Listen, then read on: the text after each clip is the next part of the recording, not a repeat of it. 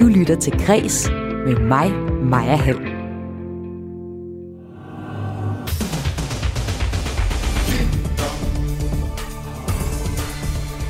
Slutningen på Lars von Triers sorte satireserie Riget kommer nu. Første afsnit af tredje sæson af historien om de onde ånder på Rigshospitalet landede i går på Viaplay. Serien den er tyk satire over hospitalsverdenen. Her i krænkelseskultur, kønsneutralitet, byråkrati, gammelmandsvælde, digitalisering og djøffer. Jeg taler i dagens udgave af Kulturmagasinet Kreds med Rigshospitalets nuværende direktør om, hvordan øh, karikaturen af riget passer med virkelighedens Rigshospitalet. Og så skal vi også høre fra en af skuespillerne i serien, nemlig Peter Myggen. Han fik så nemlig noget af et chok, da han som pur ung skuespiller på Riget sæson 1 og 2 blev instrueret af von Trier. Han var kendt som den ekscentriske, mærkelige instruktør, og det finder jeg jo så også ud af til første læseprøve, hvor jeg sidder med, med Ernst Togo Jægergaard, der spiller den svenske overlæge, Gita Nørby, Søren Pinmark, Jens Otting, Jens Ocking, øh, Sobjerg Højfeldt øh, og så mig. Øhm, og så siger Lars som åbningsreplik, jeg hader skuespillere. Heldigvis er der sket meget på 25 år, og øh, von Trier er for eksempel blevet en smule blødere, fortæller Myggen senere i udsendelsen. I dagens udgave af Kulturmagasinet Kreds, så skal det også handle om gårdsdagens politiske debat på TV2, det såkaldte topmøde. For med debatten har TV2 afprøvet et nyt format, som på sociale medier bliver kritiseret for at være, eller for at ligne en tv-quiz. Først i udsendelsen taler jeg med en medieforsker om, hvor grænsen går mellem pop og seriøsitet i forbindelse med politiske debatter. Og så kan du også høre, hvorfor Ekstrabladets tidligere chefredaktør Poul Madsen synes, at debatformatet her er fedt. I dagens udgave skal vi også lege Kender du typen med armbåndsure. Et ur kan nemlig meget mere end bare fortælle dig, hvad klokken er. Det kan også sige noget om, hvilken type vi har med at gøre. Speedometeret viser 65, han kører igennem indre by Asfalten er våd, han spænser forholdsvis ny Et Rolex sur bevidner om en sund økonomi Han dufter som man skal, han sover ret tilbage med gelé Ja, som vi hører her fra Nick og Jay, så er et Rolex-ur et udtryk for en sund økonomi. Og hvad ur ellers kan sige om dig, det taler jeg med en om senere i udsendelsen, hvor vi skal nørde ure. Mit navn er Maja Hall. Velkommen til Kres. Det har været tre år med de mest dramatiske begivenheder siden 2. verdenskrig. Nu går vi alle sammen til valg igen. Og tre kandidater kæmper om det mest magtfulde job i Danmark. Ja, det kan næsten lyde som traileren til en spændende actionfilm, som man skal til at høre eller til at se. Men det her, det er øh, faktisk fra introduktionen til gårdsdagens politiske debat på TV2, det såkaldte topmøde. Under debatten så introducerede TV2 et nyt format, hvor de tre statsministerkandidater, altså Mette Frederiksen, Mette Frederiksen fra Socialdemokratiet, Søren Pape Poulsen fra Konservative og Jakob Ellemann Jensen fra Venstre, som stod foran øh, et hujende og klappende publikum. Først så skulle de, øh, fik de tid til at præsentere sig selv, inden de så skulle debattere henholdsvis lederskab, stigende priser, skat, sundhed og til sidst klima. klima. De tre kandidater stod foran en siddende vært, Cecilie Bæk, i en opsætning, på, som på sociale medier er blevet sammenlignet med Jeopardy eller andre quizformater. Og øh, imellem debatrunderne var der sådan nogle øh, tænkepauser, hvor kandidaterne på 30 sekunder skulle skrive et kort svar på et spørgsmål. For eksempel skulle de øh, beskrive, hvilke tre ord beskriver der bedst som leder, mens der blev spillet sådan en baggrundsmusik, der på sociale medier bliver sammenlignet med temaet fra tv-serien Game of Thrones. Nu kan jeg velkommen til lektor på Institut for Kommunikation og Kultur på Aarhus Universitet, Jakob Lino Jensen. Velkommen til dig. Tak. Tak. Du mener, at øh, TV2 når et nyt lavpunkt med øh, den her måde at lave en politisk debat på. Du mener simpelthen, det er overfladisk. Hvordan er det det? Jamen, øh, vi kan jo høre det også i det tema, I spillede. Det lyder jo ligesom øh, temaet fra Survivor eller Robinson-ekspeditionen. Øh, eller også så lyder det ligesom, når, øh, ja, altså, det, altså selve formatet Jeopardy, hvor de står inde i studiet. Øh, jeg synes, det minder om, øh, altså det er det, vi forskere kalder gamification, eller på dansk underholdningsgørelse af politik. Der er simpelthen sat en scene, øh, som jeg ikke som medieforsker synes klæder et seriøst politisk debatformat. Det er overstregen efter min mening. Og øh, det er der jo flere, der bakker dig op om, for der er blevet debatteret, særligt på det sociale medie Twitter, om det fungerer eller ej, det her TV2-format. For eksempel så skrev Berlingskes chefredaktør Tom Jensen, at øh, det er det frygteligste tv-format, jeg mindes at have set til en partilederdebat. Omvendt så mener Ekstrabladets tidligere chefredaktør Poul Madsen, at formatet faktisk fungerede ret godt. Prøv lige at høre, hvad han sagde til os her inden udsendelsen. Debatten i går synes jeg fungerede fint, fordi øh, man havde jo lavet den på en måde, så faktisk også yngre mennesker gad synge med. Ved at lave et format, som jo mindede på nogen måder om sådan et Jeopardy, eller der er også nogen, der mente, at de spillede Game of Thrones musik. Og der vil jeg bare sige, jeg synes jo, man skal gøre alt for at få flest muligt til at give lytte med til det, man laver. Øh, og derfor synes jeg, at det er sådan en, en lidt old school, gammeldags forarvelse fra nogle mennesker, øh, som øh, normalt selvfølgelig følger med i politik, men som måske mangler for forståelsen for, at 85 procent af befolkningen faktisk ikke følger med i, hvad der foregår, og ligesom skal lokkes lidt mere ind med nogle lidt sjove effekter. Og det synes jeg, man gjorde i går. Den øh, unge målgruppe skal lokkes ind, og det lykkes de med med nogle lidt sjove effekter, hører vi her Poul Madsen sige. Jakob Lino Jensen, har han ikke en pointe her? Jamen, jeg synes, han overdriver det der med den manglende interesse for politik, fordi vi ved jo fra undersøgelser, at øh, størstedelen af befolkningen, også de unge, faktisk er interesseret i politik, og at de godt kan vækkes. Øh, så øh, jeg synes, jeg synes han tegner et lidt for dystert billede af den demokratiske interesse. Og det, man risikerer med det her, jamen, det er, at der er rigtig mange, der siger, nu er det simpelthen for useriøst, nu gider jeg ikke mere. Altså jeg kan også følge sociale mediestrømmen og kan se, at der er rigtig mange, der siger, nu, nu hopper de simpelthen af. Øhm, man kan sige, at TV2 har jo arbejdet med det her i mange år. Altså top, det startede med den der øh, cheerleader-agtige debat på Pejsegården i 94 mellem Poul Nyrup og Uffe Ellemann Jensen. Øh, og så har de haft forskellige andre øh, debatter med cheerleaders. I 2015-valget, mener jeg, det var så, man alle de politiske ungdomsorganisationer stå og hude og bue inde på hovedbanen. Og det er specielt TV2, der driver det her format. De er et skridt foran i den her underholdningsgørelse i forhold til DR. Og, øh, og jeg synes, at, øh, jeg synes at, at det er fint nok at, at få nogle målgrupper med, der måske ikke normalt følger med i politik, men der er også en grænse for, øh, hvor langt ned man skal gå, øh, og den synes jeg er overskrevet her. Og dertil kommer også, at det kan have en boomerang-effekt. Der kan også være nogle af dem, man gerne vil vække, der siger, det her, det er simpelthen for plat. Ja, fordi jeg kunne godt tænke mig at høre dig, du er medieforsker, du er det på Aarhus Universitet, og arbejder jo ligesom med at se på, hvordan øh, medierne behandler forskellige øh, emner, blandt andet de politiske debatter her. Altså, hvad mener du, det er for en balancegang, som tv-stationerne skal forsøge at ramme for, ligesom både at gøre det underholdende og lokke flest mulige målgrupper til at, at se det, og så samtidig også respekt for, øh, for indholdet med den gode politiske debat, som du så savner her?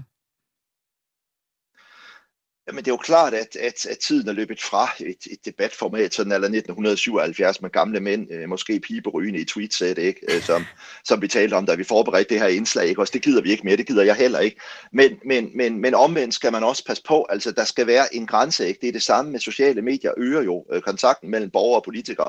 Men man skal også passe på ikke at snoppe for meget ned. Man skal passe på ikke at hverdagsliggøre det for meget. Vi har trods alt repræsentativt valgte politikere, der må formås sig at omgås med en vis anstændighed og respekt. Ikke? Og den synes jeg bliver overskrevet, når man inviterer dem øh, til sådan et gameshow.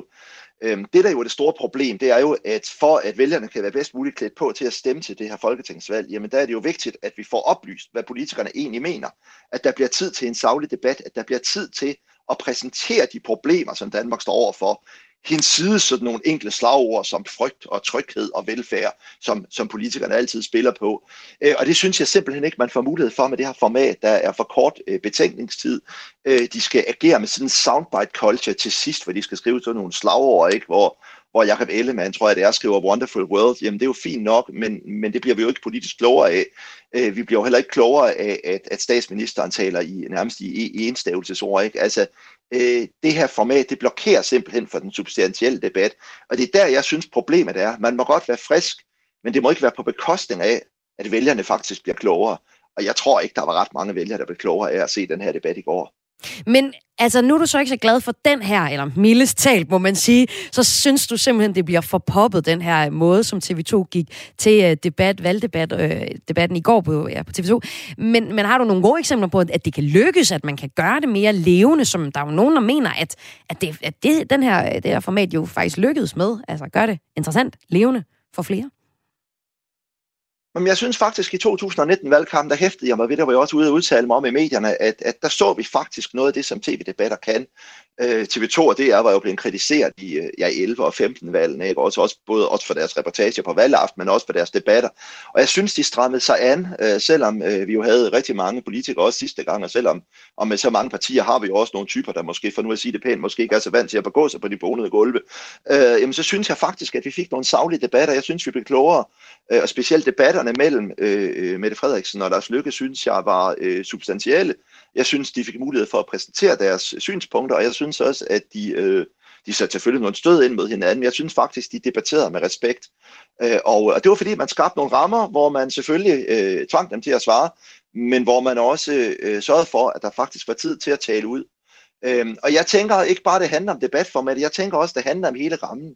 Når jeg som ser, som almindelig ser, hvis jeg tager min medieforsker hat af, ser øh, på sådan en intro til programmet fra i går, så tænker jeg øh, ikke, at jeg skal se en politisk debat. Jeg tænker, at jeg skal, jeg skal se Game of Thrones eller Jeopardy, når jeg ser sådan en, øh, en, øh, en omgang der, som vi ser fra start. Så det handler også om rammesætning øh, og øh, forventninger, og der synes jeg, at man har nogle anderledes forventninger ind til en politisk debat. Og jeg synes også, og det har jeg sagt før, jeg synes, det der publikum ødelægger rigtig meget. Jeg ved godt, man gerne vil skabe liv, men de bliver den der klappen og huden og buen, som tager fokus øh, fra debatten. Jeg synes klart, det virker bedre og mere savligt, når man ikke har publikum på. Der er jo et publikum, nemlig alle seerne. Sådan lød analysen her fra lektor på Institut for Kommunikation og Kultur på Aarhus Universitet, Jakob Lino Jensen. Tak fordi du var med. Selv tak. Og vi har her i Kulturmagasinet Kreds forsøgt at få en kommentar fra TV2 selv, for at høre dem, hvorfor de har besluttet at lave det her format netop som de har. Et format, som nogen har hyldet, og nogen har været mere kritisk overfor, og en af dem var jo altså Jakob Lino Jensen, som vi havde med her. Men vi har, det har ikke været muligt at få en kommentar fra TV2. Om lidt her i Kulturmagasinet Kreds, så skal vi se nærmere på den her satireserie Riget, som jeg personligt har glædet mig til at se en sæson 3 af. Den er netop landet på Viaplay i går. Vi skal blandt andet høre fra Peter Myggen, som spillede med i de gamle sæsoner, sæson øh, 1 og 2 tilbage i 90'erne. Der er sket meget, både med hans karriere, men bestemt også med instruktøren Lars von Trier, og det fortæller han mere om senere i udsendelsen. Men inden vi kommer til det, så skal vi til at lege, jamen kunne sige, en slags kender du typen med armbåndsuret. Du kan jo lige kigge dig ned på dit højre eller venstre håndled, for at se, hvad der gemmer sig på det. Hvad er det egentlig for et ur, du har trukket i i dag, og hvorfor? Du lytter til Græs med mig, Maja Hall. Dame James Bonds og så den danske rapper Branko, eller Branko hedder han, de øh, har ikke meget til fælles, men de kan blive enige om, at dyre ure, de er for fede. De bliver, sådan et ur bliver jo kaldt mandens eneste smykke nogle gange, og øh, er for nogen en måde at vise på, at man har styr på sit liv og adskiller sig. Altså man tager en beslutning med et smykke på kroppen, og det er altså at det her ur. Og øh, nu skal vi se nærmere på, hvad det så betyder, hvilket valg man har truffet i forhold til det ur. Og øh, det skal vi tale om sammen med journalist og urentusiast Christian Martinez. Velkommen til dig, Christian. Tak skal du have. Du er aktuel med bogen Ure, historien om de største brands og mest ikoniske af dem. Efter din mening, hvad siger det så om, øh, om folk, hvilket ur de vælger at have på håndledet? Ja, det er jo et stort spørgsmål. Altså, det, næsten, det svarer næsten til at sige, hvad for en bil man kører i, kan man sige, ikke på mange måder. Øh, I urnes øh, sådan, verden, der kan man sige, at, at det handler lidt om øh, både altså, øh, prisen selvfølgelig på uret, øh, og i høj grad også om historien, øh, om man køber nyt, om man køber vintage. Øh, det er et meget stort øh, felt. Altså i virkeligheden går man med et mekanisk armbåndsur, går man med et batteridrevet øh, kvartur, eller et smartwatch, som øh, efterhånden har nærmest har, har overtaget meget af, af af handel med uger i dag. Så, så det siger ekstremt meget om, om, om en i virkeligheden. Øh, øh, lidt ligesom ens bil, eller måske ens valg af sko. Og du har indvildt lige at lege en lille omgang. Kender du typen med uger? Vi skal se på øh, affektionsværdien, hvis den er høj på uret. Hvad siger det så? Hvad siger det, hvis man øh, går meget op i status, og hvad det har kostet uret måske også? Og hvad siger det om en, hvis øh, det er funktionen, man ligger vægt på? Men jeg kunne også godt lige tænke, dig, og tænke mig at høre dig, sådan, oplever du egentlig, at, at det er særligt er mænd, der kigger meget på hinandens håndled, og sådan på den måde ligesom ser lidt, nå, om du er den type, der går med det, den type ur? Ja, jeg vil sige, det er stadigvæk en udpræget mandesport. Altså det her med, og specielt at nørde uger, altså det her med, øh, hvad for en historie er knyttet til uret. Øhm, der, der vil jeg sige, den der kliché om, at, at, øh, at øh, uret er mandens eneste smykke, den, den holder i hvert fald for os, der er lidt ældre, altså over 40, øh, måske ikke så meget for de yngre, men, men, men det er stadigvæk en, en ting, som øh, mænd nørder mere end, end kvinder. Øhm, så, så det vil sige, der er i hvert fald noget der. Øhm, Ja, så er der vel også en pointe med, hvor, meget, hvor mange af os, der egentlig går med ur. Lige nu står jeg faktisk uden et ur på armen, fordi min, øh, min urrem den er simpelthen blevet så slidt, at jeg synes, det er pinligt at gå rundt med det. Så jeg skal skifte urrem, og det har jeg nok ikke... Altså, jeg tror, mit ur har ligget derhjemme et, et halvt års tid, uden jeg har fået skiftet det. Og da vi var på gaden her tidligere i dag for at, at høre, hvad folk havde af forhold til ur, så var der faktisk forbløffende mange, der simpelthen ikke havde øh, noget ur på. Så er uret på vej ud, eller hvad oplever du, når du øh, i forbindelse med, at du har skrevet øh, den her bog, Christian Martinez? Jamen både og. Altså det, øh, på den ene side, så er der jo, jeg tror det var sidste år eller forrige år, at man nåede frem til, at der var blevet solgt 10 millioner flere Apple Watches, altså smartwatches, end øh, i hele den mekaniske svejsiske urindustri til sammen. Så det er jo sådan et tal, der ligesom tyder på, at, at folk er begyndt at gå over til, til øh, øh, smartwatches, som jo er mm, i virkeligheden en forlængelse af ens computer eller ens øh, telefon, øh, som kan meget mere end bare vise tiden. Øh, så i den forstand, så, ja, så sker der en, en eller anden form for øh, bevægelse over mod, mod øh, den type armbåndsur eller connected device, eller hvad man nu vil kalde dem. Men så samtidig så er der altså også den anden bevægelse, og den, den har vi set siden nærmest øh, årtusindskiftet, og det er, at, at folk begynder at at gå meget mere op i uger. Øh, specielt de mekaniske armbåndsure øh, er blevet meget mere populære, og det kan man øh, både se den måde, at vi to sidder nu og taler om dem, øh, men altså også i forhold til, øh, til priserne, der er gået voldsomt i vejret på øh, både brugte luksus mekaniske armbåndsure og, og så de nyere... Øh, så man kan sige, efter sådan en stagnation i 80'erne, efter kvartskrisen, hvor, hvor de mekaniske armbåndsure, det ligesom øh, gik lidt i stå, fordi at der kom en masse billige japanske batteridrevne uger, som ligesom slog bunden ud på, på svejsernes industri.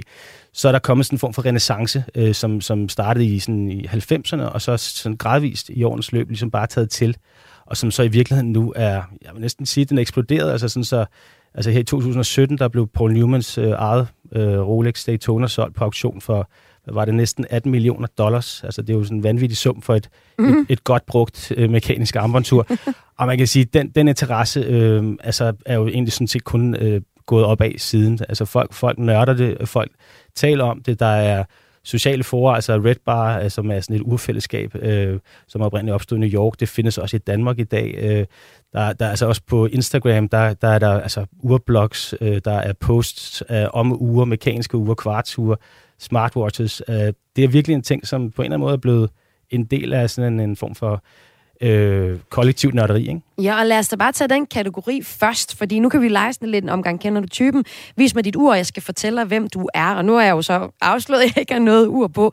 Men af de tre kategorier, vi skal nørde ned i, så er det affektionsværdien af et ur, det er statussymbolet, og så er det funktionen. Og der er jeg nok øh, ret meget på affektionsværdien. Mit ur, det har en, en betydning øh, for mig personligt. Men lad os lige starte med at tage den med statussymbolet, for det er nok også en fordom, jeg har, at der bare er nogen, der fyrer her mange penge af efter det der ur.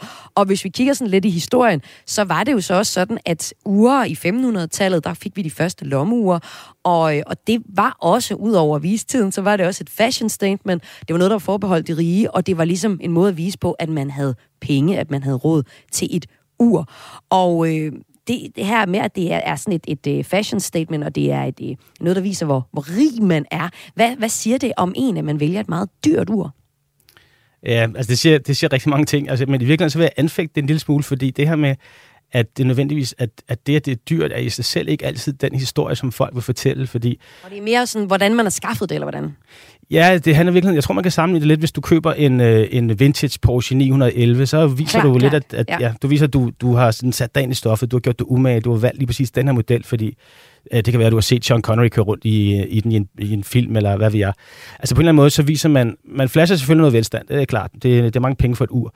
Men man viser måske også noget kulturelt kapital, ikke, hvis man kan tale om det på den måde. Og så, så er der også den ting ved det, som jeg synes er interessant i forhold til, at folk altid sådan nogle gange bliver lidt stødt over, at folk bruger mange penge på, på noget så banalt som et ur, når de nu kan få øh, et, et, et Timex til, til 100 kroner, det er jo, at folk bruger altså rigtig mange penge på deres øh, smartphones. Altså ofte giver folk jo 5, 6, 7, 8, 10.000 for et ur, som de udskifter efter, efter to eller tre år. Så man kan sige, mange mennesker, som ikke går op i mekaniske ure, de går måske mere op i deres smartphone. Øh, så man kan sige, de gør det så bare på en anden måde, altså flasher deres, både deres velstand og måske også deres viden. Og deres, mm. Så i den forstand, så synes jeg egentlig, det er meget interessant det her med, at der er kommet sådan en, en, en retning, hvor der er både nogen, som nørder det digitale, altså smartwatches og, og, og mobiltelefoner, og så den anden, som er sådan lidt mere old school, som går op i håndværket og historien og, og noget kunsthåndværk måske. Det giver rigtig god mening, når du sammenligner det også med biler. Altså det her med at skaffe den helt særlige model fra et helt særligt tidspunkt, hvor det blev produceret på den her måde, at det øh, er det, det, man også lidt kan se øh, i urene. Og så nævner du så det, du lidt sætter det over for. Altså øh, typerne, der går meget op i funktion. Og det har du allerede været inde på, det her med de her Apple Watches, de her smartwatches, som øh, kan sige rigtig meget om, om søvn og aktivitet, og man kobler det til sin øh, telefon ofte, som så kan give en en masse data omkring det. Hvem er det typisk, der vælger sådan et ur? Altså, det kan sagtens være en type, som også går op i mekaniske ure. Altså, jeg har jo også et, et smartwatch. Du går op i det hele, ja, ja. på, ikke? Ja, ja. Det. Som, som en supernørd, så har man selvfølgelig lidt af hvert. Men det med for at sige, de, de er jo ikke egentlig... Øh, altså, man kan sagtens have begge typer, og, og de fleste har øh, som regel også begge typer, fordi de bliver brugt øh, til mange forskellige ting. Så man kan sige, hvis man kun har et smartwatch, så går man måske ikke så meget op i øh, det kunsthåndværksmæssige, eller det historiske ved, lad os sige, et Rolex eller et Omega-ur, som man måske har enten overtaget fra sin farfar, eller lige købt Altså man, på en eller anden måde, man, man, man flasher også øh, i virkeligheden en form for jeg går ikke op i det her med uger. Øh, det er også en slags afstandstagen mod sådan en form for øh, en billig øh, flashen af, af sin velstand, hvis det giver mening. Mm. Altså på den måde, så siger man lidt, at man, man går op i måske sin sundhed, fordi man tracker sin søvn eller sin puls, øh, og man er praktisk anlagt, fordi man bruger den også måske til at modtage beskeder og den slags. Men man kan sagtens samtidig også tage det ur af, når man skal i byen, øh, og så putte et, øh, et pænt, gammelt øh, vintage-ur på, og ligesom vise, at øh, jeg har altså også en historie her, det var min morfars ur, eller hvad det nu er, knytter sig historie til det ur. Øh, det kan være, at man, synes, man simpelthen bare synes, at det passer bedre til, til et pænt outfit. Ikke? Altså det, I virkeligheden så kan man jo som sagt øh, bære alle slags uger øh, på forskellige tidspunkter af døgnet. Og hvad er sådan det ypperste inden for det her lige nu? Altså det, det meget praktiske ur. Hvis man virkelig skal være helt med på noderne, hvad går man så efter der? Jamen, så kan det være, at du ikke spørger den helt rigtigt, fordi der er alligevel trods alt lidt for meget traditionalist. Øhm, men altså, fordi jeg, jeg, jeg nørder jo specielt mekaniske uger og kvartsure. Det, det er det, jeg synes er mest spændende. Men altså, altså Apple Watches, der må jeg jo sige, de kan noget. Øh, og, og, og, og det er nok altså et ur, som på en eller anden måde forbinder noget af det, som, som øh, de klassiske, sådan, øh, mere sådan sportsligt orienterede uger måske kan, med noget, som, som også kan bruges i forhold til arbejde, øh, og i forhold til måske lidt pænere brug, selvom jeg personligt ikke synes, at det er det smukkeste ur i verden. Og så er der den kategori, hvor man kunne sige affektion, og øh, det tror jeg, det er der, hvor jeg øh, kan genkende mig selv. Altså, jeg har et ur, der bare er sådan stille og rolig tur, men jeg har fået det i gave, og det betyder rigtig meget for mig. Så når jeg tager det på, så er det også ligesom en kærlig tanke til øh, min mor, som jeg har fået uret af. Hvad, hvordan har du det med den der affektionsværdi af det, og hvem, hvem vælger typisk det? Jamen, altså, det er ekstremt vigtigt del af det, kan man sige. Det, er, det at interessere sig for uger er jo tit forbundet med en eller anden form for historie. Mm. Øh, og den affektionsværdi, det er jo det, der gør, at alle urnørder og ursamlere, de har altid nogle uger, som de aldrig vil skille sig af med. Øh, og det er typisk sådan noget, som man enten har arvet, eller hvor der knytter sig en særlig historie til. Og det er jo også fordi, at et ur er jo, som du også sagde i, i indledningen, altså det, det er ikke bare en ting, der viser, hvad klokken er. Det, det er også en, en, en historiefortæller på mange mm. måder. Så, så jeg synes tit, at, at ure er sådan noget, og det er også der, hvor mænd kigger på hinandens håndled lige og ser, hvad, hvad har du på. Det jo, kan jo være en, en, man kan kalde det en conversation starter, altså hvor man lige pludselig har noget at tale om. Øh, det er jo nærmest ligesom at have enten øh, små børn eller hunde. Altså hvis man har et interessant nok ur på, så vil der altid være nogen, som stiller spørgsmål til dig, og så har man en samtale. Har du sådan et ord, som er en rigtig god samtale starter? Øhm, ja, altså jeg synes jo, jeg har et, øh, et meget smukt, gammelt øh, fra 1960'erne, et øh, Longines, øh, et svejsisk mekanisk ur, øh, som, øhm, øh, som tilhørte min far, og det betyder utrolig meget for mig. Altså min far han døde for 10 år siden, og, øh, og jeg har stadigvæk det her minde øh, af ham, der sidder øh, på altanen med det her ur på, som han pussede øh, hver dag. Øhm, og derudover så har jeg også faktisk, det tilhører så stadigvæk min mor, men det er altså i familiens eget, det her gamle pendulur, som, som øh, i virkeligheden var, nok var det, som startede min interesse for ure, altså som også var min far, der ligesom startede det med at... Altså sådan et Bornholmer-ur, eller hvad? På ja, helt klassisk. Ja, ja, ikke Bornholm. noget, man kan få på håndledet. Nej, det er så et vækkeur, kan man sige. Det er et stor, ja. stor klods. Ja, hvad er historien med det? Jamen, det var øh, naboen. Vi boede i Barcelona på det tidspunkt. Jeg har spanske aner. Og øh, på det tidspunkt så overtog min far et gammelt ur, som lå på loftet hos, øh, jeg tror, det var naboens øh, gamle ur, som han egentlig havde smidt ud. Og det overtog min far, rensede og pussede. Og så, øh, jamen, så gik det jo helt perfekt. Og det er sådan en gammeldags øh, Bornholm-ur, men øh, med sådan en lille glas øh, dør, som man så skal åbne, og så skal man så introducere sådan en lille nøgle og dreje øh, for at trække uret op, og det skal man altså gøre hver dag. Så det blev sådan en form for ritual, vi havde, øh, at man lige trak øh, uret op, øh, for at det ikke skulle gå i stå simpelthen. Øh, så det tror jeg kickstartede den her interesse, som altså nu, øh, har, er mundet ud i en hel bog på 400 sider. ja, og som udkommer her på, på onsdag. Og nu har vi jo forsøgt at lege lidt. Kender du typen med, øh, med ugerne, ikke? hvor nogen, der betyder affektionsværdien rigtig meget. Nogle gange så er det mere statusen, statusen ved, ved et ur, andre gange så er det mere funktionen. Og, øh, og jeg kan jo høre, når jeg siger status, ikke, så er du også sådan, jamen, det kan man ikke bare sige, fordi for dig så betyder det bare rigtig mange ting, når man går med for eksempel et Rolex-ur. Noget, som der er nævnt 268 gange i din bog. Hvad, hvilken rolle spiller Rolex? Altså, hvorfor er det så interessant et mærke? Ja, men det er jo, altså, det er jo det luksusmærke, som de fleste kender. Det er jo sådan et ikon. Øhm, altså, uanset om du ser en eller anden 80'er-film, så står der en Eddie Murphy og flasher sit guld Rolex, og på en eller anden måde, så er det blevet sådan en form for gangbar universel valuta, ikke, som du kan bruge i, i en snæver vending. Øhm, så, så Rolex er jo et ur, som, eller et urmærke, som, som øh, allerede i 50'erne lavede nogle af de mest ikoniske urmodeller. Det er sådan noget som øh, uh, Submarine og, og Datejust. Det er sådan nogle navne, som urnørder de kender, fordi det er så klassiske øh, altså ure, som kan bruges i mange forskellige sammenhænge. Men det interessante ved Rolex er jo, at dengang i 50'erne øh, og 60'erne, der var det sådan set det, man kalder tool watches, altså ure, som var egentlig designet og bygget til, til sådan lidt hårdfør brug. Det var, det var ure, der var specifikt designet til en eller anden branche, om det så var øh, dykning eller luftfart. Så var det en ure, der skulle kunne tåle nogle tæsk. Øh, og det kan vi så sige, i, øh, i 80'erne, den her, der mm, opstår den her krise i den svejsiske urindustri, hvor, hvor øh, de bliver ligesom øh, konkurreret, udkonkurreret af japanere og japanske ure. Øhm, der bliver Rolex ligesom nødt til at genopfinde sig selv øh, og gøre det så som en, en form for øh, luksusprodukt nu. Så, så de er altså gået fra at være sådan tool watches, de her meget robuste ure, til stadigvæk at være robuste, og du kan stadigvæk bruge dem øh, til hvad som helst, men de har altså fået sådan en form for øh, ekstra lag af, af luksus, og priserne er selvfølgelig også stedet helt, øh, altså gået fuldstændig amok, øh, ikke mindst med, med det her Paul Newman Daytona, jeg nævnte øh, lidt tidligere. Øh, så på en eller anden måde så er de også blevet et symbol på øh, de mekaniske ugers øh, genfødsel, ikke? Og, og, øhm, og det, det på en eller anden måde, så, så, så symboliserer de simpelthen øh, øh, udviklingen, og det gør dem, synes jeg, øh, enormt spændende også, altså, også fordi designet stadigvæk holder. Hvis du køber et, et, et nyt Rolex, så minder det altså utrolig meget om de gamle, men til gengæld så er teknologien selvfølgelig fuldt med, så man får et noget, noget bedre ur. Og hvis man vil vide mere om uger, og ikke mindst også ugers historie, så kan man altså finde din bog. Den kommer i en boghandel, her der ikke er på den øh, 12. Altså her på onsdag. Christian Martinez, tusind tak, fordi du var med her i Kreds. Selv tak altså til en snak om uger. Om lidt her i Kulturmagasinet Kreds, der skal vi have en anmeldelse af Lars von Triers tredje sæson af Ride, der udkommer her 25 år efter den første. Med en afslutning er der blevet sådan lidt lovet i krone. Jeg inviterede den øh, nuværende hospitalsdirektør ind for at se, om han kan se komikken i serien, som øh, virkelig tager tyk pis på. Blandt andet en øh, hospitalsdirektør-type, der render rundt i serien og fortynder saftevandet for at gøre det. Ja, få pengene til at strække sig en lille smule. Men inden vi kommer til det, så skal vi høre fra en af skuespillerne i serien, nemlig Peter Myggen. Du lytter til Græs med mig, Maja Hall. Så skete det. Ingen levende ved det endnu, men porten til riget er begyndt at åbne sig på ny. Ja, portene er begyndt at åbne sig igen til Lars von Triers kultserie Riget. Der er sådan en dejlig gyserkomedie, som foregår på Rigshospitalet i København.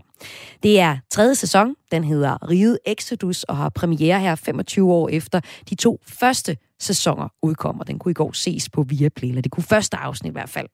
Om lidt så får jeg som sagt besøg af Rigshospitalets øh, direktør, som har øh, set både første og andet øh, afsnit, og synes, at den er rigtig sjov.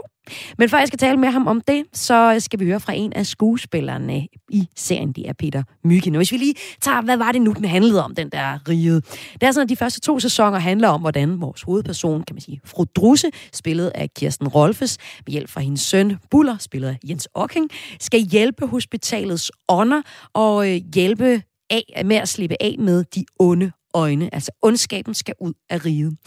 Øh, vores øh, hovedperson, øh, fru Drusu, vil for eksempel hjælpe en, øh, lille spøgelsespige, hun hedder Mai, med at slippe hospitalet og blive rigtig død. Imens så udspiller der sig også en masse andre historier, som virkelig tager tyk pis på hospitalverden. Vi har for eksempel den svenske overlæge neurokirurg Stig Helmer, spillet af Ernest Hugo Jægergaard. Der er den er par med Rimor Mortensen, spillet af Gita Nørby. Det er alle de store, der er med den her. Som øh, hader dansker, altså det gør øh, Stig Helmer, og øh, synes, at danskerne er blødsødende, og det synes han også, at sundhedssystemet er. Samtidig så dækker han over en operation, som har gjort en pige hjerneskadet.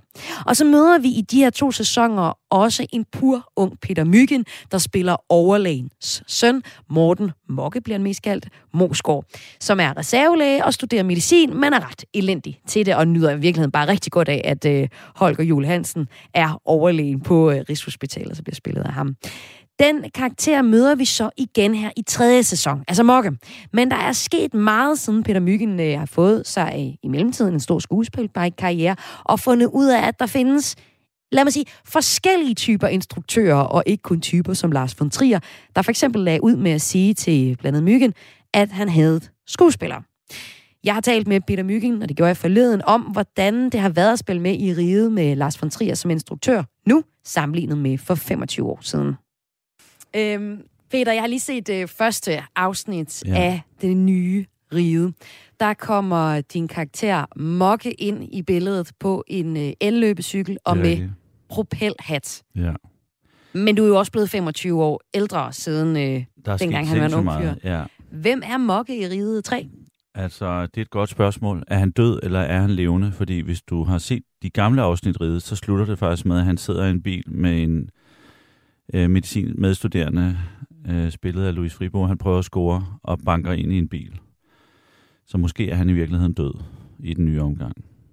Men øh, udover at han måske, måske er han ikke. Måske er han, og måske er han ikke. Og det er jo det, der er så skønt ved von ja. Triers øh, serie Riget. Der er øh, mange ting, der er øh, lidt moskéer i ja, det. Og det er jo også det spirituelle, ja. der spiller en stor rolle i, øh, i serien. Det, i det, er, hele taget. det må man sige ja til. Er du selv spirituel? Det er jeg. Jeg er, er åben for mange ting her i verden. Altså, jamen, jeg tror på, at der er noget større mellem himmel og jord. Jeg tror ikke på, at der er, der er et svar på alt. Jeg ved godt, der er nogle biologiske ting, som man jo, vores dygtige videnskabsfolk har fundet ud af, hvordan det ene og andet er opstået og sådan noget. Men jeg er ret spirituel på den måde, at øh, nogle gange kan jeg tænke på noget, og så sker det. Så det der med at sende tanker og karma ud i universet kan nogle gange åbne nogle spændende, sjove døre. Hvad for eksempel? Jamen, jeg har oplevet at tænke på ting, at øh, nu må telefonen gerne ringe om det, og så går der tre uger, og så, øh, så ringer telefonen. Og det vil Omkring, du sige, det lige er... præcis det. Ja. Jamen, det kan være alt muligt. Mm. Det kan være, nu savner jeg at komme ud og fest med mine venner, så ringer de. Eller Mm. jeg vil have et job i udlandet, så går der 14 dage. Men det er ikke noget, jeg misbruger. Man, må ikke, man, kan ikke, man kan ikke bare tro, man kan bestille. Det er ikke ligesom sådan en menu, du skriver på. Du kan sende nogle tanker ud i universet, og så kan du selvfølgelig også gøre noget altså fysisk. Altså for eksempel, da jeg begyndte at tænke over for nogle år siden, at jeg ville arbejde noget mere i udlandet, så fik jeg, udover at jeg havde en dansk agent, en udenlandsk agent. Så jeg har en agent i Tyskland. Mm, er du i gang med at spille en, øh, en serie i Tyskland? Øh, jeg har lavet en, et par serier, Mm. en par film, Mm. mm. øh, og skal lave en stor tysk international, international serie til næste år. Som du ikke kan fortælle så meget mere om. Øh, nej, andet end jeg skal spille et rigt røvhul, fordi på grund af borgen, hvor jeg spiller et røvhul, så er jeg i udlandet, er jeg set som ham den øh, øh, en højstatus røvhul skuespiller. Okay, og det er jo faktisk også lidt øh, røvhulsrollen, øh, rollen, du har med Mokke. Mokke er ikke verdens sympatiske væsen. Han er, har hovedet op i sin egen rumpette, vokset op med en far som overlæge på riget, der bare har elsker sin søn, og, og, og absolut et menneske, der øh, tager for sig af retterne, og har ikke meget moral, øhm, eller øh, tror ikke, at verden... Altså, han, han er overbevist om, at øh, ja, hans måde at være i verden på... Altså, han, han tænker ikke over konsekvensen af sine handlinger, han, og han er også lidt ligeglad. Og øh, vi skal tale om din karakter øh, Mokke i Riget, som øh, du øh, fik jo der for 25 år siden, mm. og Mhm. spiller fortsat igen, og høre lidt om, omkring bag om sættet, hvordan du har arbejdet med, med karakteren. Jeg kunne godt tænke mig at høre, øh, først og fremmest, hvordan du fik rollen, og så skal vi øh, høre, hvordan du så har arbejdet med den her øh, Mm. figur, Mokke. Hvordan fik du rollen? Jamen, øh, det gjorde jeg, at sådan flere tilfældigheder. Lars var inde dengang for 25 år siden med sin datter og se øh, en, en forestilling, der hed Folk Røver Kardemomby, hvor jeg spillede hovedkamelen. Mm. Øhm, som han, hvor han, og bæren, så han ser mig der, som er sådan en familiebærende forestilling. Og så øh, tilfældigvis ude på Centropa er der en masse klipperum, hvor man sidder og redigerer film. Og der var jeg med i en tv-serie, der hed Frihedens Skygge, jeg havde lavet med Bjørn Larsen som instruktør øh, min skønne nu afdøde ven og instruktør, og Erik Vedersø, Fritz Helmut og flere andre. Øh, og det var ligesom min første sådan tv-serierolle. Og den ser han tilfældigvis, går han forbi klipperummet, lige da der er nogle, en scene med mig og Erik Vedersø. Og så siger han, jeg skulle lige set ham som hoved i ude i Kalmumby, og nu står jeg og ser ham lave det der. Han passer måske meget godt ind i ride-universet som overlægens søn. Og, øhm, og så blev jeg kaldt ind til en casting, og så fik jeg den. Og var det, var det pointen om, at du også, også hvis også glemte røven på, på æslet, der fik ham til at tænke, øh, han kamin, kan noget? Ja, men kaminen, lige præcis. Der var, der var, jeg kom til at forlade min røv på scenen der til premieren. Øhm, så, vis, så vidste von Trier, at du var højrøvet nok til rollen? Lige præcis. Ja. Men øh, så får du så lige præcis den her rolle i hænderne. Og på ja. det tidspunkt, hvem er øh, Lars von Trier så øh, at blive øh, hævet ind? Altså, Lars havde lavet på et, tidspunkt, et par filmer, havde allerede været øh, i Cannes og, og, og var blevet udråbt til en genial mand, men havde, var ikke på den måde kendt, øh, kendt, kendt andet, end han var kendt som den ekscentriske, mærkelige instruktør. Og det finder jeg jo så også ud af til første læseprøve, hvor jeg sidder med, med Ernst Togo Jærgaard, der spiller den svenske overlæge, Gita Nørby, Søren Pinmark, Jens Otting, Jens Ocking, øh, Sobia Højfeldt øh, og så mig. Øhm, og så siger Lars som åbningsreplik, jeg hader skuespillere. Hmm. Øhm, og jeg, øh, at se det i bagspejlet, han måske nok ment det lidt sarkastisk ironisk, men jeg troede jo fuldstændig på det, øhm, og tænkte, wow, altså, er det min instruktør de næste par måneder? Men det skulle jo vise sig, at han øh, havde meget på hjertet omkring instruktion. Selvom han godt nok ikke var på sættet. Han befandt sig meget nede i sin campingvogn og, og instruerede med. Så det var Morten Arnfred og Anders Reffen, som på den måde havde med skuespillerne at gøre på sættet. Men Lars instruerede, og det gjorde han igennem en walkie-talkie. Øhm, men det var meget syret øh, arbejde på den måde, ikke at have instruktøren. Han, altså, der var nogen, der ligesom var hans stemme. Hvordan, hvordan var han så, når han instruerede der igennem øh, øh, Hård og retfærdig og udfordrende. Øhm, og på et tidspunkt kan jeg huske, at Hans Hugo øh, på vej til, i frokost, til frokostpause roser mig, mens Lars hører det, og så siger han, stop, stop, hvad fanden laver du? Du må aldrig rose en skuespiller. Det, de bliver dårlige af det. Det er jeg så dybt uenig i. Jeg mener at ros løfter folk. Øh, ros skaber tryghed. Ikke fordi man skal have daglig ros, men indimellem at få at vide, at man er på rette vej. Det er meget betryggende. Uanset om du er skuespiller, klinikassistent, sociomedarbejder eller radiovært, så er det meget rart, at en chef engang imellem lige siger, hey, super fedt, og du, det er fedt, det kører. Mere skal der ikke til, for man bliver modig og folder sig ud. Men øh, det skal så siges, nu er der gået 25 år. Første dag havde jeg natoptagelse på den nye omgang ride her, og hvor Lars øh, hiver mig til side, til side efter første take og siger, Myggen, øh, jeg vil bare lige sige til dig, det er jo ikke min søsters børn, vi laver her. Øh, og der refererer han jo til, at jeg har lavet tre min søsters børn film som onkel. Øh, så han ved jo, hvad jeg laver. Øh, og, og jeg blev sådan lidt, wow. Øh, og så klip til to take efter, kommer han ind og siger, skide godt. Øh, så han, ja. han roser nu. Han roser nu? Ja, det gør han. Og, og hvilken betydning vil du sige, det har, når man skal arbejde Det var dejligt, ja. at Lars siger, skide godt, fedt, det fungerede. Det kunne ja. jeg godt lide. Det, øh, det betyder noget, når et menneske, man ser op til, siger, ligesom, ikke fordi mor og far skal rose en hver dag, men indimellem skal man have vide, det var sgu godt gået, min skat. Hvis vi nu lige skal vende tilbage til, at du øh, der for 25 år siden får øh, rollen som øh, mm. Mokke stukket i hånden. Øhm, hvordan tænker du så, at du vil, vil arbejde med den rolle, da du ligesom øh, får den? Altså nu skulle jeg jo spille medicinstuderende, så på den måde, øh, jeg kan huske, jeg var lige ude og møde nogle medicinstuderende, og var lidt nede og se, hvordan man for eksempel øh, arbejder med døde mennesker og sådan noget, fordi det skulle jeg blandt andet også i serien. Men jeg havde et klart billede af, hvad Mokke var for en, og jeg har jo selv prøvet at være studerende, så på den måde øh, trådte jeg bare brugte jeg min fantasi og mine egne erfaringer. Og jeg har selv gået på kostskole på en af verdens dyreste kostskoler i Schweiz, så jeg har mødt rigeligt med røvhuller, og Mokke er lidt af et røvhul. Kan du også spejle dig selv at man får lov i, der, i den her rolle? Altså, jeg prøver, som Peter Myggen prøver generelt ikke at være et røvhul. ikke noget, jeg har sagt, jeg har ja. været det i, i perioder.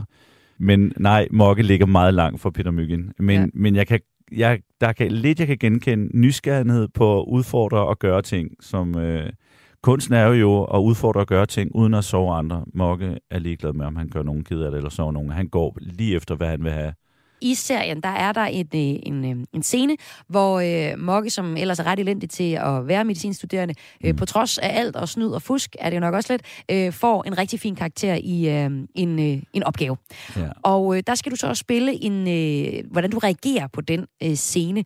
Og nu har jeg jo set øh, scenen, der Nå, er du, okay. bliver du bare øh, glad, og, øh, og det er jo ligesom det. Er jo Jeg ligesom går det. ned ad en gang. Men der ligger jo meget mere bag den Ja, scene. det er fuldstændig rigtigt. Øhm, vi, vi skulle lave den her scene, og øh, Mokke går jublende ned ad gangen, fordi han har lige har fået en god karakter. Ernst Hugo, der spiller overlægen, der skulle være sensor på opgaven, giver mig først til at starte med 0, det vil sige, at jeg dumper. Og det er Mokke ikke vant til, for han er vant til, når man overlæger en søn, så kommer man bare videre. Man får altid lige en karakter, der gør, at man kan komme videre. Men han dumper mig simpelthen. Og øh, til gengæld har jeg så fundet ud af, at øh, der er en grund til, at den her svenske overlæge er havnet i København. Han har lavet en del fejloperationer i Sverige, så han har måttet skifte hospital øh, på grund af hans dårlige image. Og det finder jeg ud af, og truer ham med at afsløre, hvis han ikke han giver mig en bedre karakter. Og den scene, jeg så laver med Ernst Hugo, øh, hvor jeg skal fortælle det her, der skal han så blive vred, men der står intet om lusinger. Men da kameraet kører, og scenen er i gang, så knaller han mig en lussing, så det hele vinede i mine ører.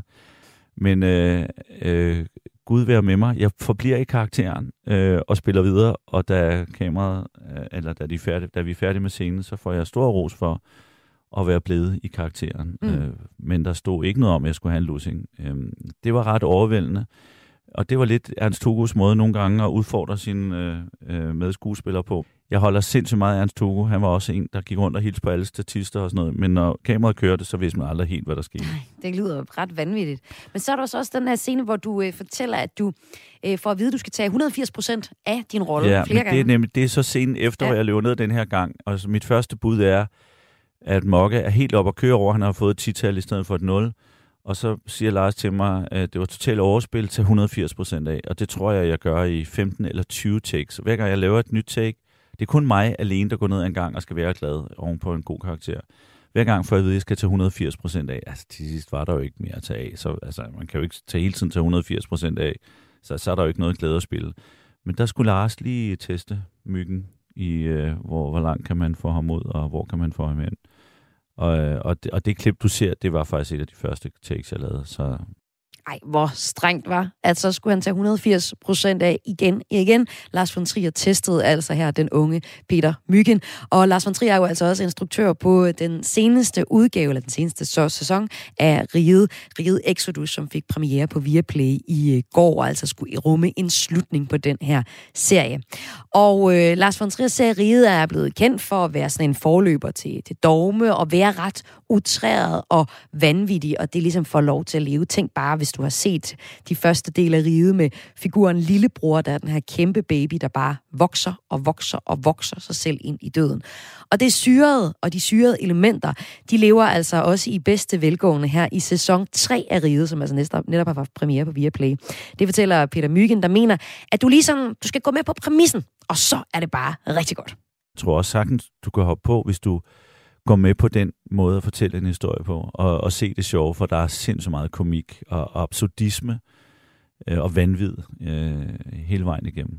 Ja, og, og der er blevet taget øh, tyk pis på flere ting, bare i første afsnit i forhold til det, det Mm. dansk-svenske forhold, Ja. og, øhm, Den og, og lægevidenskaben i det hele taget. Hvad, hvad kan du allerbedst lide af de, øh, af de scener, der ligesom er, der ligger nu, af de, øh, den satire, der bliver lagt ind over lægevidenskaben? Og, Der er, jo, og der er jo ingen tvivl om, at hele den pis, han tager på, dansk-svensk magtkamp, altså øh, Helmer, den gamle overlæges søn, dukker jo op for at retfærdiggøre farens navn, spillet helt fremragende af Michael Persbrandt, og, øh, og den får hele armen. Altså, han er svensker med stort S og kæmper for det, øhm, og, og, og han er jo op imod øh, et dansk øh, lune humor og måde at være på, som øh, knækker ham øh, stille og roligt.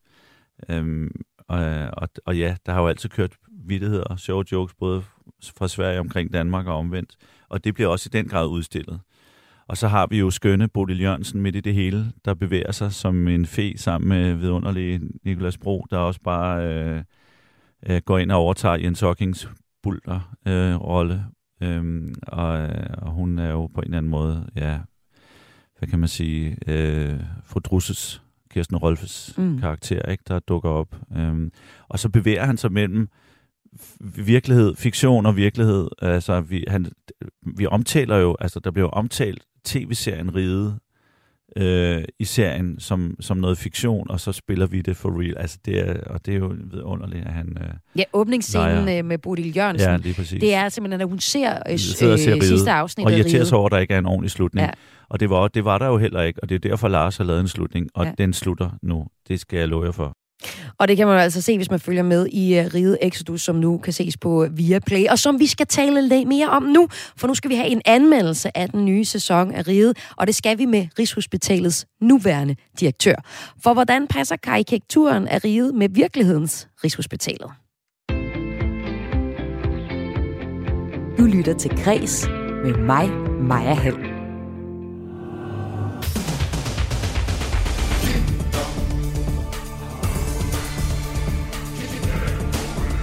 Par et par uger inden Riget havde premiere på DR i november 1994, blev serien vist ved et særarrangement i Imperial i København.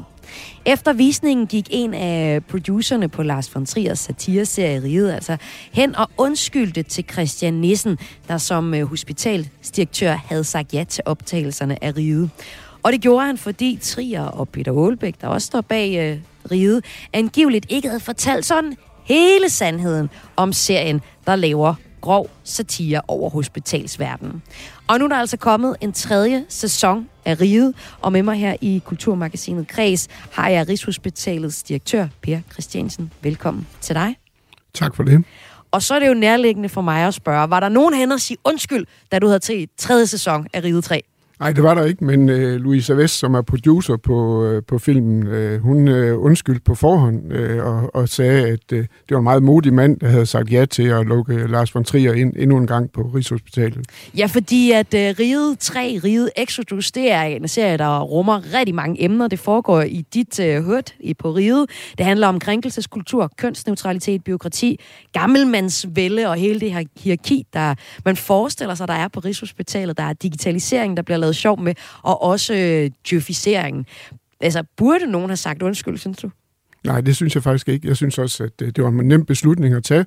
Meget nemmere end så mange andre, man skal tage som hospitalsdirektør. Jeg synes jo, at det er kunstens rolle at sætte øh, ting på spidsen, så de kan blive debatteret. Og jeg synes, at Lars von Trier, en af Danmarks allermest kendte kunstnere, selvfølgelig skal, øh, skal han overkomme komme ind og lave det, han gerne vil lave på, på Rigshospitalet. Hvis jeg nu fortsætter lidt på den historie, jeg at fortælle før med, med Christian Nissen, ikke, så øh, var det sådan, at under indspillingen af Riget, så gik han fra at være direktør på Rigshospitalet, som du er nu, til at blive generaldirektør for DR, og løb, altså, føles jo sådan lidt et dobbelt ansvar for serien. Og historien er så, at Ib øh, Tardini, som er producer, eller var producer på, på serien, han har fortalt til filmmagasinet Eko, at øh, han sagde undskyld til Nissen og supplerede med, men ellers havde I jo aldrig sagt ja altså underforstået, hvis han havde fortalt, hvor meget der blev taget pis på øh, personalet på Rigshospitalet, så havde man aldrig fået lov. Og så skulle øh, Christian Nissen have kigget på ham og sagt, nej, det havde vi sgu ikke, du. Det kan jeg godt fortælle dig. Christian Nissen selv, han er rent ikke den her ordveksling, men det er altså ikke desto mindre det, som, øh, som historien går på. Men du synes, at riget er god, og det siger Christian Nissen jo også efterfølgende. Han er rigtig glad for, at den blev lavet. Du mener, at det er godt, at kunsten sætter gang i debatten og, tager, øh, og laver sjov med, med Rigshospitalet, men det er jo også grov, noget af det, der er. Hvorfor er det så vigtigt, at, at man øh, stiller, er grov over for, øh, for Rigshospitalet også? Jamen, jeg synes jo, at i, i dagens måde at lave øh, humor på i Danmark, der er man meget tilbøjelig til at, at, at gøre nar af dem, der har det svært. Her så er det en af samfundets vigtigste og største øh, mastodonter og bastioner, øh, man gør nar af. Og det synes jeg sådan set er, er, er mere, øh, eller er vigtigere, end at, at man gør nar af, af folk, der er udstødte og sidder på bænken det, det synes jeg faktisk øh, er rigtig vigtigt, at man er i stand til at tage den kritik, og jeg synes, det er rigtig vigtige dagsordner, Lars von Trier sætter. Du har nævnt dem, øh, og, og, og jeg synes, det er, det, det, det er meget vigtigt, at man, man gør det. Øh, og det så... synes jeg er så skønt, at du har det sådan, Per Christiansen. For lad os nu tage nogle af eksemplerne. Altså, de går jo øh, til vaflerne. For eksempel, så er der jo en, øh, en karikatur over en, der sidder i en position som dig, som Rigshospitalets direktør, som går rundt, og det er jo en scene, du selv fortæller om, du har set uh, hele den nye sæson, og det kan vi godt afsløre, uden at afsløre for meget, men går rundt og fortynder saftevand for at spare på pengene på Rigshospitalet. Altså bliver der taget, der bliver gjort grin med, at man sparer også fuldstændig uden grund. Rammer de lige på med den joke? Det synes jeg, man gør, og jeg synes måske også, at det, hvis jeg nu fortolker lidt på, hvad det er, Lars von Trier tænker, så er det jo, at der gennemføres rigtig, rigtig mange små øh, effektiviseringer, som ikke rigtig batter noget i det samlede regnskab, men som øh, forstyrrer en masse mennesker. Og i stedet for, at man tog nogle øh, lidt større livtag med, med lidt større beslutninger, der kunne øh, spare nogle flere penge øh, på, på én gang, frem for de her små øh, e-, effektiviseringer. Så det synes jeg, han rammer lige plet. Så er det her eksempel noget, som man tager med, øh, når man skal snakke, hvor, hvor vi skal spare hen næste gang på Rigshospitalet? Jamen, jeg, jeg, jeg tænker da, at, øh, at det giver stof til eftertanke, fordi det, mm. det er som sagt øh, den type besparelser, man godt kan se, ikke lige saftevand, men, men små besparelser, som, som generer folk, men øh, ikke giver noget nævneværdigt øh, resultat på bundlinjen. Og noget andet, du har nævnt, det er de her morgenmøder, som selvfølgelig fylder noget i øh, riget, fordi det foregår på Rigshospitalet, hvor der bliver holdt, og som som der også gør, øh, sådan nogle morgenmøder. Og en af snakkene går på, at der kommer øh, den her svenske læge Helmers søn, kommer her i tredje sæson ind, og han bliver sådan lidt sjov kaldt Halmer, fordi han er halv Helmer. Øh, så plat humor er der også i det. Øhm, men han vil rigtig, som den svenske læge, han er rigtig gerne indføre, at der skal stå ikke hun eller han i journalerne, men hen. Han vil faktisk fjerne alle kønnene, og det kommer der nogle forviklinger ud af. Hvad tænker du over, at man, øh, at man, man tager pis på det? Jamen, det synes jeg, der er en, en spændende diskussion. Altså nu, øh, en nu, spændende diskussion? Hvad betyder det i virkeligheden? Jamen, det betyder jo, at, øh, at vi har jo også diskussionen i Danmark om kønsidentitet. Og øh, det, uden at afsløre for meget, så betyder det her med, at, øh, at man skriver hen i stedet for han og hun, det betyder sådan set, at man får fejlopereret en patient. Det er jo ikke fuldstændig utænkeligt, at det kunne ske i den virkelige verden, hvorimod det aldrig ville være sket, hvis øh, man havde brugt øh, den, den normale måde at tiltale øh, folk på. Så der er jo nogle elementer i det her, hvor at øh, man ligesom kan tænke videre, hvad sker der, hvis vi driver det her for vidt i samfundet? Og det tænker jeg ikke sådan øh, er en, øh, en diskussion i hospitalsverdenen. Det er sådan set en generel diskussion i samfundet. Hvad kan konsekvensen af det her være? Øh, og det tænker jeg, der er en vigtig diskussion. Og Per Christiansen, det synes du sådan set det også, det er med det tredje eksempel, som vi skal snakke om. Det er øh, på en af morgenmøderne i, i det gamle ride, kunne man sige, øh, i det første sæson, der er der en debat om, om en reservelæge, som er lavere i hierarkiet, end en overlæge, må bestille en dyr CT-scanning, og kritikken går så på, at den er unødvendig, den her CT-scanning. Men hele den her øh, måde, hvor man ligesom øh, har et meget skarpt hierarki, det er jo bare noget, der går igen. Altså man ser jo reservelægerne kravle langs murene øh, i nogle afsnit i, øh, i riget, mod så at have de store overlæger, der ligesom går igennem rigets bygninger med den autoritet, de har. Hvordan har du det med det eksempel, eksempel som du selv har taget frem også? Jamen, jeg tænker, at, øh, at nu satiren driver den jo øh, nok videre, end den er i virkeligheden. Men det er jo vigtigt, at den, der har patienten i behandling, også er den, der bestemmer, hvad der skal foregå, og, og, og ligesom ordinere det, der skal ordineres.